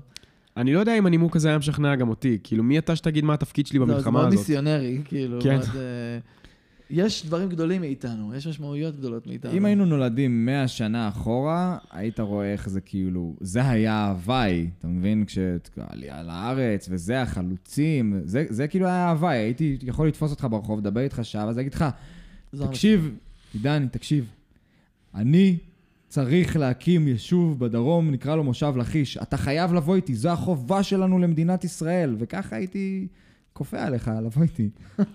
כן. בסדר, אבל היית- דואג שיבואו עוד כמה חבר'ה צעירים בגילי, אתה יודע, שזה גם יהיה... לא, אני אעשה שיהיה לך נחמד, אבל אתה חייב לבוא איתי. אני אגיד את. המילה ציונות, אני אגיד את המילה לאומיות, ועכשיו אתה חייב לבוא איתי. אבל שתדעו לכם שהרבה חלוצים אה, תיארו את זה שהם באו בגלל הבנים בנות. אפילו מישהי שהייתה ב... וואלה. כן, אה, כן. חבקה פולמן, אה, אה, רבן, אם אני לא טועה, לא, או חבקה פולמן, סליחה, שאני לא זוכר את השם המשפחה מלא, אה, אחת מהלוחמות של אה, מרד גטו ורשה. ויש לה ספר שהיא מתארת, אז היא אומרת כזה, אתה חושב שבאתי בגלל הערכים? באתי בגלל הבנים. כאילו, אשכרה, חזק. לא, אני אומר, יש כל מיני דרייבים. אני מנחש, אה, אתה יודע, אולי סוקה קיווה שככה הוא יסיים את הרווקות שלו. פשוט. במציאות דברים הם לא כאלה אציליים כמו שהם מצט- מצטיירים בציור- בציורים, וזה בסדר. וגם לא זה בהיסטוריה, חלק מהדברים כן. הנורמליים והיפים שבעולם. נכון, כולנו אנשים גם פעם וגם היום. כן. בכל מקרה, אז uh, היא מסרבת ואומרת, אם לא תעזבו אותי עכשיו, אני קוראת לשומרים. ואז לא, לא, את חייבת, שומרים! שומרים! ואז הם פשוט הולכים להתחבא בשיחים או משהו, ואנג נותן, אה, אנג קופץ מעל החומה, מסתכל עליה, והוא בעצם מבין גם קצת יותר טוב מי היא הדמות הזאת, כי השומר בא ואומר לה, טוב, את יודעת שכאילו, אסור לך להסתובב לבד, מה, מה את עושה פה? אז אבא שלך לא אוהב את זה, בואי, בואי איתנו חזרה הביתה. ואז אנג מסתכל עליה מהצד ודופק מבט ערומי. הוא אומר, יאללה, אני האבטר, בוא ננצל את זה פעם אחת. בוא נתפרץ לתוך הבית שלה, נעשה לה סוס טרויאני. אז uh, רואים אותם, הסצנה הבאה היא שאנחנו בעצם פוגשים את ההורים של טוף. מה חשבת על הסצנה הזאת? אנחנו מדברים כבר על הארוחה או לפני? לא, לא, זה לפני. עכשיו הם והמורה כשפות אדמה שלה. אה, אני חייב להגיד שאני רגע צריך לקחת את אוקיי. זיכרוני. אז ככה, אז אוקיי, הם כן. יושבים, הם יושבים בעצם, האימא ואבא שלה כזה על, אה, כמו כס מלכות כזה. אוקיי. כן, כן, אני רואים, אנחנו בעצם רואים שבאמת מדובר פה במשפחה אה, של אצילים, כאילו, הם אה, מת- יושבים שם. אני, הם- אני מרגיש שהם כן רכשו כבוד לאבטר, זאת אומרת, הם מבינים שזה משהו משמעותי שמגיע אליהם הביתה. זה עוד לפני שאבטר נכנס, הם אני חושב יושבים שזה יותר עם עניין של המורה- לוקסוס. עם המורה כשפות אדמה של טוף, והוא מקבל בעצם, אה, תן לי עדכון על הלימודים שלה. ואז, הם- ואז הוא אומר, אל אני- תדאג, אני דואג להשאיר אותה בבייס לבל. רק כי- נשימות ותנועות בסיסיות, שאף אחד לא יפגע בה, ואז הוא כזה, מצוין ששום דבר לא יפגע בנסיכה העדינה שלי, אתה יודע שהיא לא מסוגלת לעשות כלום. זה מחזק את למה היא כל כך וחלשה. זועמת, כאילו זה... כן. בעצם האבא, אבא שלה פיתח אצלה דמות שמשתרשת ורק מעמיקה ומעמיקה, כאילו. זאת אומרת, היא כנראה כבר שנים לומדת את זה, זאת אומרת, היא כבר שנים אמורה... היא שנים בעצם מדוכאת, שנים היא נשארת באיזשהו לבל שאבא שלה מת- מתעקש להשאיר אותה, אז בינתיים בזמן הזה כבר צמחה דמות אחרת לגמרי, כאילו מתחת לפני השטח. אתה יודע, אני מת לשבת עכשיו ולשבת עם אנשים שמרגישים הזדהות עם טוף בקטע הזה, כי אני ממש לא גדלתי באווירה כזאת, כאילו, לא... לא שמרו עליי בכלל באיזה נייר פצפצים, ואני מת למצוא איזה מישהי או מישהו שעכשיו אני אוכל לדבר איתו והוא יגיד לי מהמקום שלו, כן, כאילו, לא נתנו לי להתלכלך בבוץ, לא נתנו לי, לא נתנו לי כלום, שמרו עליי, כאילו, הקטינו אותי בקטע הזה. כי זה, זה מרגיש לי נורא, נורא מתאים לסרטים, אבל במציאות אני לא ממש אני מכיר חושב אנשים שזה, כאלה. שזה מתאים, בטוח יש אנשים כאלה איפשהו, אבל אני חושב שזה משהו שהוא יותר מתאים באמת ל- למעמד הגבוה לפני 200 שנה. כאילו ש, שבן אדם נולד אה, נסיך, והוא עכשיו צריך להמשיך את השושלת, אז שמרו עליו, הוא היה מסתובב עם שומרים, ולא היו, והיו, לא היו נותנים לו להיות ילד בעצם, שזה מה שאנחנו מקבלים פה עם טוף. אבל כאילו על פניו, ההורים שלה נראים אנשים סבבה, הם נראים אנשים נחמדים, כאילו, הם, הם בסך הכל באים ממקום של דאגה. כן, גם, כן. בוא נזכור שהיא עיוורת, כאילו... כן, היא כן. בכל זאת יש לה מגבלה די רצינית. כן, גם העיוור המיומן ביותר עדיין צריך עזרה בעולם, כאילו, זה... בעולם שאנחנו מתארים כמו עולם האבטר, שהוא כביכול יותר עתיק, בן אדם עיוור כנראה לא היה שורד. נכון, בגלל זה זה גם הגיוני שזה, שזה היחס שהיא מקבלת. ויש לי שאלה אליכם, אוקיי? כאילו, אם אנחנו באמת מקבלים את זה שההורים של טוף הם כל כך אחלה, הם בסך הכל דואגים לה, למה לדעתכם טוף לא אמרה להורים שלה מלכתחילה מי היא באמת? כאילו, למה היא, למה היא התחילה עם ההסתרה הזאת, ולמה היא בנתה את זה ככה שהיא לא מגלה להם מי היא? כאילו, בסוף היא הייתה צריכה לעשות את זה בסוג של אקט של יציאה מהארון, כאילו היא... וככה אני רואה את זה לפחות. למה לדעתכם היא לא סיפרה להם? אני אומר, נשמע שהם התוו לה משהו אה, מאוד ספציפי. אה, כאילו, גם אנחנו מכירים את הסיפור הזה של האצולה, שנורא רצו שאישה תהיה ליידי, כאילו, זה נראה לי משהו שהוא יהיה כבר אה, מוכר, ובמקרה הזה באמת- הם חשבו שהיא, חס... לא, לא הפסיקו לתאר אותה כחסרת יכולות, חסרת אונים, כאילו, הם נראה לי נורא ניסו להכניס אליה. את התודעה הזאתי, כי ככל שהיא תשמור, כאילו, ככל שהיא תדע את זה על עצמה, תכיר את עצמה כלא יכולה, היא תשמור על עצמה, היא לא תסכן את עצמה, היא לא תצא החוצה, היא לא תלך אה, לנסות לבדוק גבולות, היא לא תנסה לאתגר את עצמה. ואז אני אומר, מה ש... התוצאה ההפוכה קרתה שם, שהיא גם תוצאה אה, בעיניי מאוד מעניינת. נראה שבמציאות בעיקר אנשים עושים קעקועים וסובבים שיער, זה כאילו מה שאתה פוגש. כל האנשים עם הורים מאוד פרוטקטיב, אז הם אחר כך הולכים נכון. ומשחיתים את גופם. תמיד, זה, זה אגב, אה, כן, וזה. זה משהו שהוא ידוע בחינוך, תמיד האפקט, כאילו, אתה לא יכול אה, להכריח צמח לגדול בכיוון מסוים, הוא בסוף גודל לאן שהוא גודל, ואם אתה מנסה לתת לו, לשמור אותו בקופסה, הקופסה, בס- כאילו, בסוף זה יהיה עוד יותר קיצוני לכיוון השני. אז כאילו צריך לתת לילד את התחושה שהרעיון היה שלו, Mm. שהוא רצה לעשות את זה. אתם מרגישים שאתם הייתם. קטנים, כשאתם הייתם קטנים, אתם מרגישים שגם לכם היו חלקים בזהות שלכם שהסתרתם מה, מהמשפחה הקרובה שלכם? שיהיו, שיהיו לכם שני, שיהיה לכם את, את, גיל של, אה, את גיל של הבית וגיל של הבחוץ, או את עידני של הבית ועידני של הבחוץ. שמע, אה, אני לא, לא יודע על מה אתה מדבר, זה לא, לא פוגש את סתם. אני כאילו יצאתי מהארון בגיל 17 מול ההורים, אבל מול העולם יצאתי כבר בגיל אה, 12-13, כאילו. וואלה. אשכרה. ממש, גיליתי, יצאתי. ממש לא היה, לא היה, לא היה לי ארון בעצם. שאגב, בתור שחקן זה מבאס, אין לי כמעט חומרים בהקשר הזה. כאילו, אה, הבנתי, טה-טה-טה-טה, הלאה, כאילו.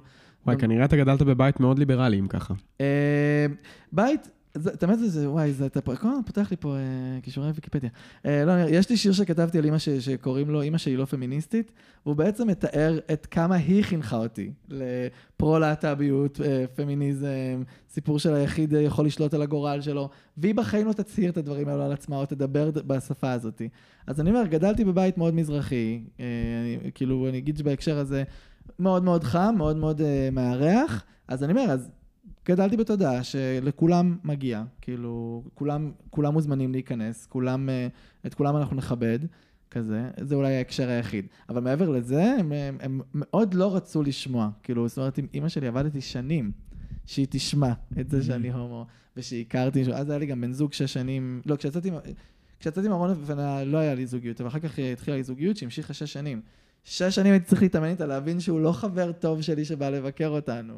כאילו, שזה באמת מתקשר קצת למה שדיברנו בהתחלה על סקס אדיוקיישן, כאילו שאיזה כיף לאנשים, כאילו, שיש. שיש להם את הדבר הזה היום, כי, כי אנחנו, אנחנו לא מבינים היום, אולי כשאנחנו אנשים בוגרים, כמה, כמה בני נוער לומדים מת- מתכנים שהם צורכים בטלוויזיה. כאילו, כמה הם לומדים מאיך נכון ואיך לא נכון להתנהג לפי סדרות וסרטים שהם רואים. כן, ותמיד, ותמיד. הבני נוער בסדרות הם אה, בכלל בני 28 ומאוד שריריים, או מאוד בנויים, כאילו הכל כזה מאוד לא איך שבני נוער נראים. כאילו נכון. זו תקופה מאוד אה, איפה כל לא חיננית. איפה כל כן. החוסר פרופורציות? ממש ממש, כאילו... איזה, וזה כזה cool בגלל זה שהם לקחו נגיד את אוטיס, אחי, שהוא הכי teenager, שבקושי גדל לו שפם. מעולה. פשוט סדרה נהדרת. אמ, בכל מקרה, בואו נמשיך בעלילה. אוקיי. אז בעצם הדבר הבא שאנחנו מקבלים זה שאנג נכנס לבית, וכאילו הם אומרים, וואו, לארח את האבטר, איזה כבוד גדול. ואנג בעצם מנסה להוציא אותה מהארון, בארוחה המשפחתית. הוא בעצם מנסה, כאילו בלי עובד. לדעת, אגב, שהוא עושה את זה, אבל הוא, הוא אומר, אה, הוא אומר כאילו שהוא, שואלים אותו מתי אתה חושב שהמלחמה תיגמר, מנהלים קצת חולין, ואז, ואז מגיעים לתכלס, שיש כל מיני טאקלים כאלה כל הזמן, בין אנג לטוף, שאני מאוד מאוד אוהב את האנרגיה הזאת, שהם כאילו נכנסים אחד בשנייה, כאילו היא דופקת לו סלע ברגל, ואז הוא אומר איזה משהו לא במקום, והיא דופקת לו את הראש בצלחת. ואז הוא דופק אפצ'י ומעיף את כל הארוחה עליהם. גם שני דברים, אחד זה ממש מטופש, זה גם נורא שמתי לב שכל אחד אוכל משהו אחר לגמרי שם, כאילו, הוא אוכל משהו ורוד, היא אוכלת משהו לבן, הוא אוכל בכלל מרק כזה. אבל הדבר השני ש... אה, שמעניין זה כאילו, אה, איך היא מצליחה רק בהקשת רגל לעשות כל כך הרבה דברים גדולים, תוך כדי שהיא ממש אוכלת בעדינות למעלה. זאת אומרת, היא ממש יודעת כבר לטפח ולהחזיק את שתי הזהויות האלו. זה משהו שהיא כבר ממש. מיומנת. והאבא כל שנייה בשליטה. מסתכל לבדוק, מה עשית עכשיו? והיא מראה, אני בסך הכל אוכלת אורז, זה מה שאני עושה. ואני אומר, כאילו, רואים שמשהו שם מתחיל להיסדק. כאילו- וואי, איזה סצנה לא פחות מגאונית לדעתי. אני מת על הסצנה של הארוחה. מה מה אתה חושב, גיל? מגניב, לא, אני, אתם מספרים את הסצנה הזאת ואני פשוט מכניס אותי לשרק 2. שהם לשרק יושבים 2? בארוחה וכזה, נתחיל כזה, אה, גדול. "היית- הייתה צריכה להביא מישהו אחר, הייתה צריכה להישאר בזה, אתם השארתם אותה במגדל כל הזמן הזה, ואז בסוף, ח... ואני חמור.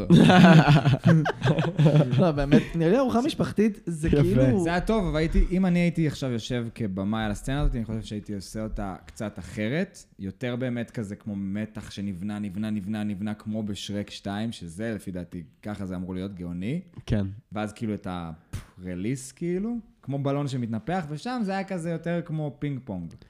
כן. פחות, פחות... אבל יש את השבירה בסוף, שהם כאילו קמים אחד על השנייה, כאילו, כן. מה יש לך ממני? לא, מה יש לך ממני? מה זה? זהו, גם לזכור שזה פרקים אה, קצרים יחסית, כאילו, לעומת סרט אה, באורך מלא. נכון. אז אולי הם היו צריכים באמת לתמצת את הדרמה. אה, וגם, אני אומר, אין לה, אין לה מטען רגשי כזה עמוק מול אנג. זאת אומרת, הוא בסך הכל, כרגע הוא, אה, איך אומרים את זה? אה, טווינקל טוז. בולדר, לא יכול, לא לא, ברכה לי מילה. obstacle, איך אומרים? מכשול. מכשול. הוא בסך הכל מכשול כרגע בסיטואציה. אני אומר, אני חושב שדווקא מה שגאוני שם, כאילו, כמו שאמרת שזו סצנה גאונית, ארוחה משפחתית היא תמיד דבר אה, שיש בו מטען רגשי, גם אם לא נותנים לו מקום, כאילו. אז באמת הרבה פעמים שבוחרים לעשות זירת קרב אה, מרומזת, שקורית מתחת לשולחן, גם פיזית היא קורית מתחת לשולחן. אה, אז אני אומר, נראה לי פה באמת הרווחנו כאן אה, גם להכיר את טוף על שני גווניה, אה, וגם אה, לראות כמה קצת קשה לאנג עם הקשרים חברתיים. הוא כאילו, אני אומר, אתה מבין? חכה עשר דקות, נצא החוצה, תדבר איתה. מה אתה צריך עכשיו לעשות את האוטינג הזה, כאילו? וואו, יפה. זה משהו שפוגשים הרבה פעמים עם- עם. כמו שאמרת על הזירה, היא כאילו אומרת לו משהו שאמור להעליב אותו, עוד מול כל החבורת הטסטוסטרונית שמסביבו, וזה אפילו לא פוגש אותו. אני אומר, הוא פשוט, הוא קצת חוצן, כאילו, הוא קצת... אה, הוא קצת חוצן כי הוא- פשוט ילד. בן 12 עם התפתחות נראה לי קצת איטית בקטע הזה. Mm. כאילו, כאילו אומרים שבערך בגיל הזה אנחנו אנחנו מתחילים לפתח מודעות מאוד מאוד גבוהה כשלא הייתה לנו פעם. בערך בגיל 12-13 אנחנו מתחילים, זה הגיל שבו אנחנו מתחילים אה, קצת יותר להיות לבד, קצת יותר מתביישים מהגוף שלנו, מתחילים להסתגר בחדר, מתחילים לפתח דעות משל עצמנו, ואנג זה כאילו עדיין לא קרה לו בקטע הזה של... גם ממש ADHD. אין לו בושה עדיין, זו הכוונה שלי. הוא עדיין לא פיתח את המנגנון של הבושה, ככה זה מרגיש. אני מקווה שהוא גם לא אני יפתח. מרגיש שזה משהו שצריך לשמר דווקא. לא... כאילו, המנגנון של הבושה הוא לפ... הרבה מאוד פעמים הוא הבל. כאילו, זה משהו שאנחנו מפתחים, אבל יש דווקא משהו טהור בזה שאין לך את זה. זהו, אז הם כאילו נכון. כביכול באותו גיל, היא מנגנון בושה מאוד עמוק, והוא מנגנון, והוא בלי, כאילו, אנחנו מקבלים פה... זה מה שכל כך יפה, אגב, בילדים אה, בני, בני חמש-שש, כאילו, שהם פשוט, אתה יודע, אין להם בושה על כלום. הם יכולים להיות בסיטואציה... אבל- בסדר, אבל הם יכולים להיות. בסיטואציה כאילו של ארוחה משפחתית, ופתאום להתחיל לשיר שיר, או לצרוח, או לרקוד, או כאילו, עכשיו, סתם, ארוחה משפחתית, ויש את האחייניות של גלי, שפתאום אנחנו יכולים לשבת בסלון, לשתות תה אחרי הארוחה, ואז פתאום הן נכנסות, היי, כולם עוצרים הכל, הופעה. אוי, נו. עצרו הכל, ואז הן פשוט עולות, מסתובבות קצת במקום, מזיזות את הידיים, וזה כאילו, וכולם, כאילו, אתה מבין, זה אין בושה, אחי, אין... וזה משהו באמת טהור ויפה, ו... ואין... וזה משהו שאולי, אני לא אגיד שאין את זה לאנג בכלל, אבל זה מתעכב אצלו קצת. לא, אבל זה קטע ש... ש... אה, לבריאות, אני אומר, זה קטע שאנחנו הרבה פעמים רגילים שחוסר בהורות זה דבר שמאוד מפתח קרקטר אצל בן אדם או דברים כאלו, ופה אנחנו רואים שדווקא ה over הורות אצל אה, טוף מאוד, אה, כאילו חייב אותה להתבגר. היא כן. מאוד בוגרת לגילה, לעומת אנג שמאוד לא בוגר לגילו. שבאותו גיל, נכון. כן, אז אני אומר שזה מעניין שדווקא פה היוצרים בחרו אה, over הורות, over protective, בשביל לגרום לבן אדם להיות צריך להתבגר מהר יותר. לא היית מדמיין שזה יקרה למישהו שאין לו הורים, או שקרה לו משהו נורא בחיים שחייב אותו. ופה אני אומר, טוב, היא גם מאוד חכמה, אנחנו פוגשים את זה הרבה בסדרה אחר כך. טוב, אנחנו חייבים להתקדם בעלילה. בואו נעשה את זה. אז uh, בגדול, טוב אחרי זה נכנסת לחדר, והיא אומרת לאנג, טוב, בוא, הפסקת אש, בוא אני אקח אותך רגע החוצה באמת, ואני אסביר לך מה, מה הדיבור. ואז היא בעצם מסבירה לו ולנו איך, איך עובדים החושים שלה, איך היא שומעת, איך היא, איך היא בעצם שומעת ורואה דרך הרגליים, דרך הוויברציות, אני רואה את העץ הזה, אני רואה אותך ואני רואה את הנמלים שם, כאילו רק כדי להדגיש לנו עד כמה החושים שלה כאילו באמת מחודדים. אני אומר חושים במחאות כפולות, כי זה כאילו בעצם הכל קורה דרך הרגליים. ואז בזמן שהם מסתובבים שם, החבר'ה מה, מהזירה עושים עליהם אמבוש וחוטפים אותם בתוך שני מכלי מתכת ולוקחים אותם לזירה. אחר כך אה, סוקה קטרה וההורים של טוף יוצאים החוצה, והם מבינים שחטפו אותם, ומשאירים חרב יחד עם אה, מין אה, סקרול כזה. כן, מגילה. ש... מין מגילה כזאת שמגולגלת על, ה... על הפתק, של חטפנו את האבטאר ואת הבת שלכם, ואם אתם רוצים לקבל אותם בחזרה, תביאו שק עצום של מטבעות uh, זהב, ותבואו לזירה עכשיו. ואז אנחנו... צריך להגיד אבל רק את ההקשר, שהם אה, חוטפים אותם בגלל שהם טוענים שכל הסיפור של אנג מנצח אותה היה הצגה, mm-hmm. כדי להרוויח uh, את הכסף, כאילו. נכון מאוד. האקסטרה כסף. חשוב, חשוב מאוד לציין את זה, נכון. ובעצם אנחנו פה מגלים גם, יש לנו פה איזה קטע קומי מגניב כזה, שאנחנו רואים את אימא שלה עומדת מעל המקום שבו היא נחטפה, ואומרת כזה, אוי, טוב הקטנה, היא בטח, היא בטח כל כך מפוחדת. Mm. ואז אנחנו רואים כזה, ויש, כזה תמונה, תמונה מיד אחד, מיד אחר כך כזה של, תמחק את החיוך מהפרצוף שלך, יא מטומטם אחד, תוריד אותי שאני אכסח אותך. אני לא מחייך. יש לך מזל שאני ככה עכשיו. כן, ואז, אה, ואז בעצם מגיעים לזירה, אה, האימא לא באה, אגב, לעסקת שבויים, שזה מעניין. למה היא לא באה? לפי דעתי, כאילו, האבא אמר לה שמסוכן ושהיא לא תלך. נשמע הגיוני. אני מיושנת שנשים צריכות להישאר בבית, כאילו. נכון. רוצים להשאיר אותה בגן כל הזמן. אז הם מגיעים, המאסטר של טוף, כאילו המורה, הוא לא master, הוא המורה של טוף. המורה של טוף לכשפות אדמה, אבא שלה, סוקה וקטרה, כולם מגיעים ביחד. אגב, סוקה כאילו התלהב מזה שיש לו חתימה עכשיו של הבולדר, זה גם היה קטע מצחיק. כאילו חוסר... הוא מסתכל על המגילה, חטפו, חטפו, חטפו, חטפו, אני לא מאמין, יש לי חתימה של הבולדר! זה היה חלק ענק לדעתי. איזה מושפע, הוא כל כך מהר נהיה מעריץ, מעריץ שלו. כן. קיצור, אז אנחנו... מגיעים לזירה, כן. מגיעים לזירה, הם מניחים את השק של הכסף ושולחים אותו לשיו, שיניו, נראה לי. קיצור, הוא לוקח, הוא לוקח את הכסף ומחזיר רק את טוף. טוף יוצאת מה, מהכלוב שלה, רצה לאבא שלה ומתחילים ללכת, ופתאום מבינים שכאילו, וואלה, הוא לא מחזיר את אנג, המאניאק הזה. למה? כי הוא גילה שאומת האש תשלם, עליהם, תשלם עליו יותר. וזה עצבן אותי לשמוע את זה, כי כאילו, גבר, יש מלחמה, האב, אתה, אתה כאילו, אתה לא מנותק מה, מהמציאות. אתה יודע כן. שהאב אתה אמור לעזור לסיים את המלחמה, אבל לך אכפת רק מהכסף שלך ומהמניעים האישיים והמעצבנים שלך. יא מניאק, מה נראה לך? זה היה באמת מעצבן, אני גם ממש התעצבנתי שראיתי את זה.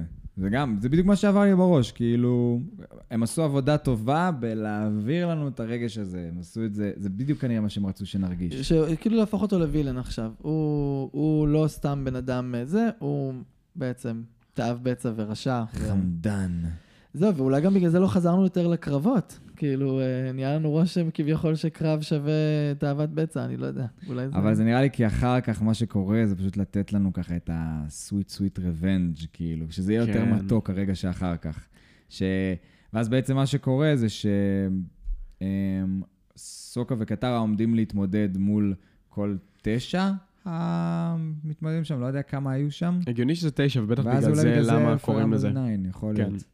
אז הם אה, כולם עומדים, רואים את כל החפרפרת, את הרי מסטיריו הקטן הזה, את אה, ההיפו, את הבולדר, את שיו, את... אה, מי יודע שם, יכול להיות שזהו. עוד אנשים שהם כשפי אדמה חזקים, ואז הם... קטרה קוראת לטוב ואומרת לה, אנחנו לא יכולים להתמודד איתם, זה כאילו, זה too much, יש פה יותר מדי אנשים. אנחנו, אנחנו זקוקים לחטוף, כאילו זה מה שהיא אומרת לה, אנחנו, we need you.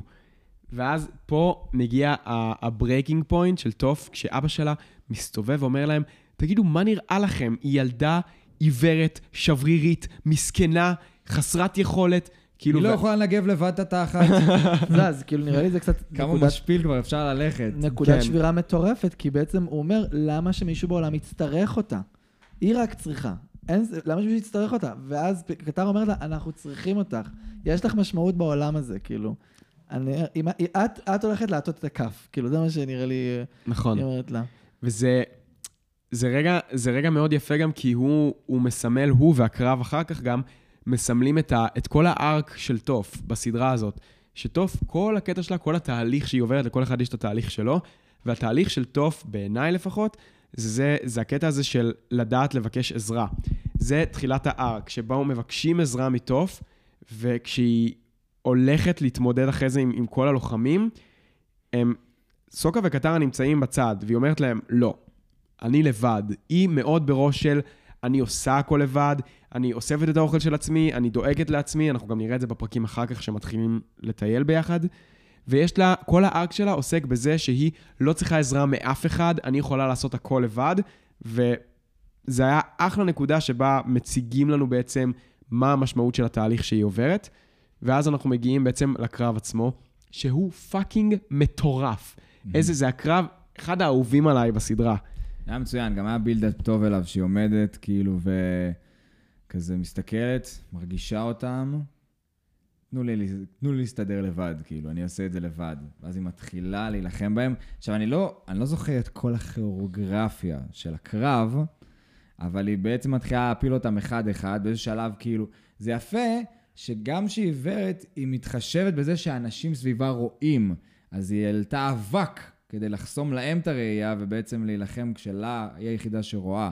וזה יפה, זה לא, כאילו... וגם, וגם בזה בסוף בסוף הקרב היא גם שולטת בזה שהיא מורידה את ה... אני אומר, יש משהו בכשפות אה, אדמה שהוא... אה, את האמת שזה גם נשמע לי כן. קצת לא הגיוני הקטע הזה. היא כאילו שולטת. בכל החלקיקים הכי קטנים משהו שיש שם. באוויר של כן, האדמה. כן, זה, זה מטורף, הוא נורא... אה, מעניין. תחשוב שהיא העלתה עכשיו אבק לאוויר, ואם היא- כשהיא מורידה, היא יכולה לפנות חזרה את האבק חזרה. אז כאילו גם כשאנשים נעים בתוך האבק הזה, אולי היא יכולה להרגיש אותם גם נעים במרחב הזה, כי היא יכולה לראות מ- ממש מה הם עושים עם הידיים זהו, והכל. הנה, וואו, זה זו נראה- שאלה טובה. זה נראה לי... כאילו יוצרת נשמע- בועת ראייה של 360 לכל כיוון, כי בדרך כלל היא יכולה להרגיש רק מה שנוגע באדמה. אני ראיתי את זה בעיקר ככאילו לתת לעצמה את היתרון בקטע של אני עיוורת, אז עכשיו גם אתם עיוורים. אבל כן. יכול להיות אני שמה גם שאתה אומר טובה הוא בלהיות נכון. עיוורת, אתם לא טובים בזה. נכון, לגמרי. זה ממש- היתרון בידיים שלה באותו רגע. מעניין. כן. למרות שזה דווקא, אם ממש ניכנס לזה לעומק, לכל הקטע עם האבק הזה ושהיא שולטת בו כמו רוח, זה נראה לי קצת לא באמת אה, הגיוני, מה שאנחנו יודעים על כשפות אדמה, למה? כי החלקיקים לא באמת נוגעים אחד בשני, הם לא... משהו ש... משהו ש... וואי, טוב, אני לא יודע, אני לא יודע להיכנס לזה לעומק, אבל מרגיש לי בראש שאם אני עכשיו אשב על זה, אני אוכל להגיד בדיוק, לשים את הנקודה, למה זה ב continuous, כאילו, של מה שאנחנו יודעים על כשפות אדמה, משהו שם לא מסתדר לי, כאילו, בכל הקטע הזה. זה מרגיש לי ש...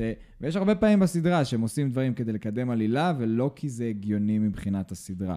למשל, כמו אנשים שנופלים מ-100 מטר ולא מתים. אני חושב שזה בעיקר נוצר כדי לתת לנו, לתת לנו את, ה, את הקטע הזה של איך הקרב הזה יהיה הגיוני שהיא עכשיו נלחמת בתשעה אנשים, כי פשוט כולם עיוורים ולא רק היא, ופה יש לה את היתרון. מה שהופך את הקרב הזה לעוד יותר טוב, זה זה שאנחנו רואים את אבא שלה צופה בה מהצד. וזה כאילו כמו מין יציאה מתמשכת מהארון, אם דיברנו על זה ככה, שהיא אומרת עכשיו, אוקיי, אני לוחמת, כאילו, ואבא שלה רואה אותה, וזה מוסיף עוד אלמנט הרבה, הרבה יותר מרגש מסתם קרב. רואה אותה והיא לא. עושה לו חיים קלים, היא לא יכלה להילחם בחינניות, בסדר, היא דופקת שם מוכתות וזה. וזה חלק ענק, שהוא כאילו מרים את הידיים וכזה... כשהוא, כשהיא דופקת את המוכתה הוא כזה, אוי ואבוי. אוי ואבוי, אוי ואבוי. זהו, גם נגיע אחר כך לפאנץ' של מה הוא אומר לה, כאילו, בסוף.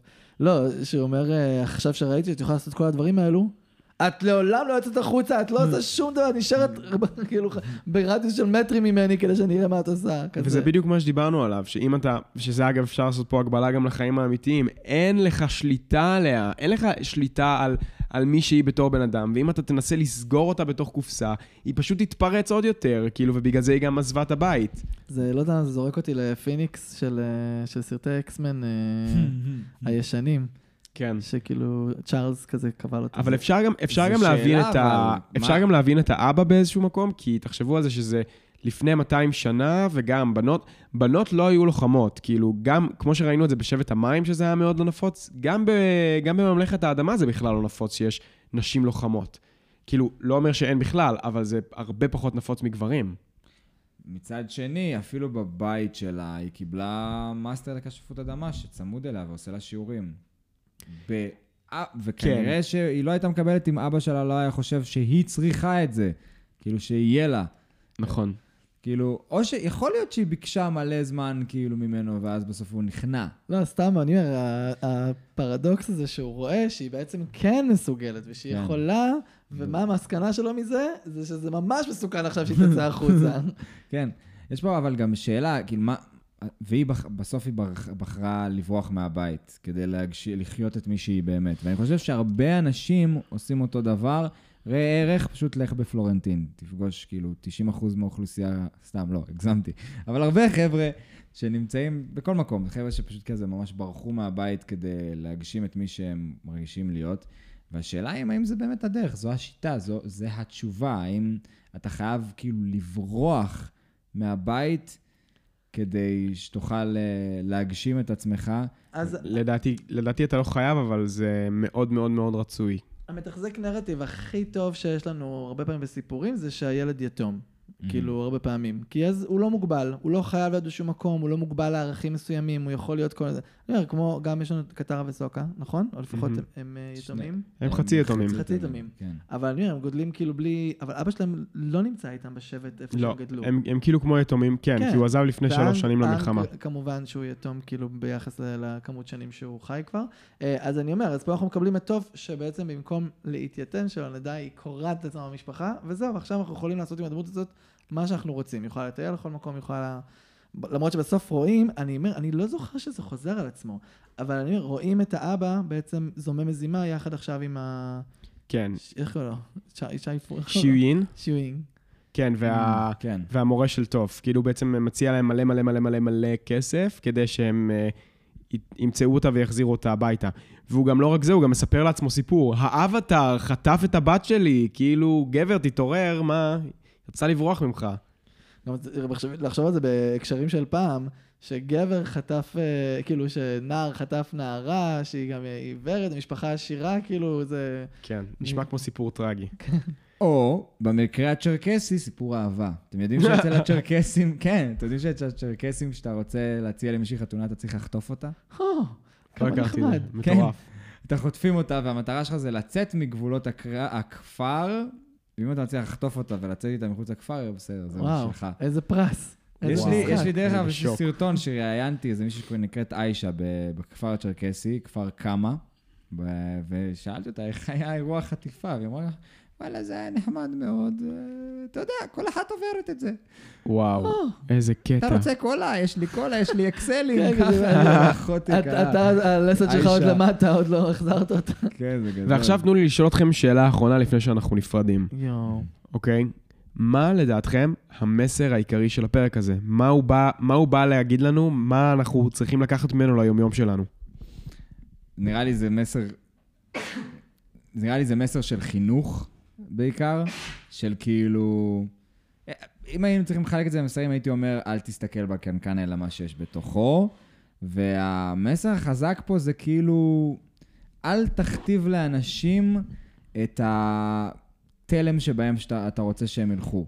כאילו, תן לבן אדם לצמוח ל, לכיוון שלו, כי בסופו של דבר אתה ת, תיצור הרס מזה. כאילו, אתה לא מסכים עם זה. עידני?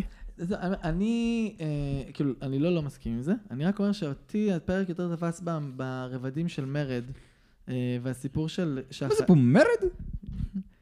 כן. למה זה מוכר לי? כן, מה זה, זה- ארץ נהדרת, לא? אה, נראה לי שכן. אוקיי, תמשיך. אוקיי, אז גם הסיפור של המרד וגם הסיפור של יציאה מאזור הנוחות, כאילו, שם החיים קורים. כאילו, החיים שלך מתחילים מחוץ לאזור הנוחות שלך. או, יפה. וטוף פה... שוב, קודם כל, אומר, כשאמרתם לי שאנחנו הולכים לפרק שאנחנו פוגשים בו את טוף, התלהבתי בטירוף, כי זה בפירוש הדמות האהובה עליי. כאילו, היא אה, הדמות הכי, לא יודע, מורכבת, מעניינת, היא גם כזאת חכמה ומצחיקה. קיצר, מת עליה, כזאת badass. אה, ואני אומר, ופה אנחנו פוגשים אותה, יוצאת לחיים שלה, כאילו, הולכת לש... להציל את העולם, כאילו, ויואו, וזה זה היה חייב לעבור דרך כל מה שאמרת. כאילו, שתיארת גם את הסיפור של היציאה מהארון, שזה...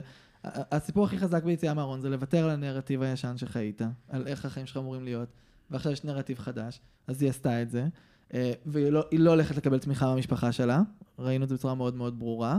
אה, ובעצם יש לה עכשיו משפחה נבחרת, כאילו היא בחרה משפחה חדשה.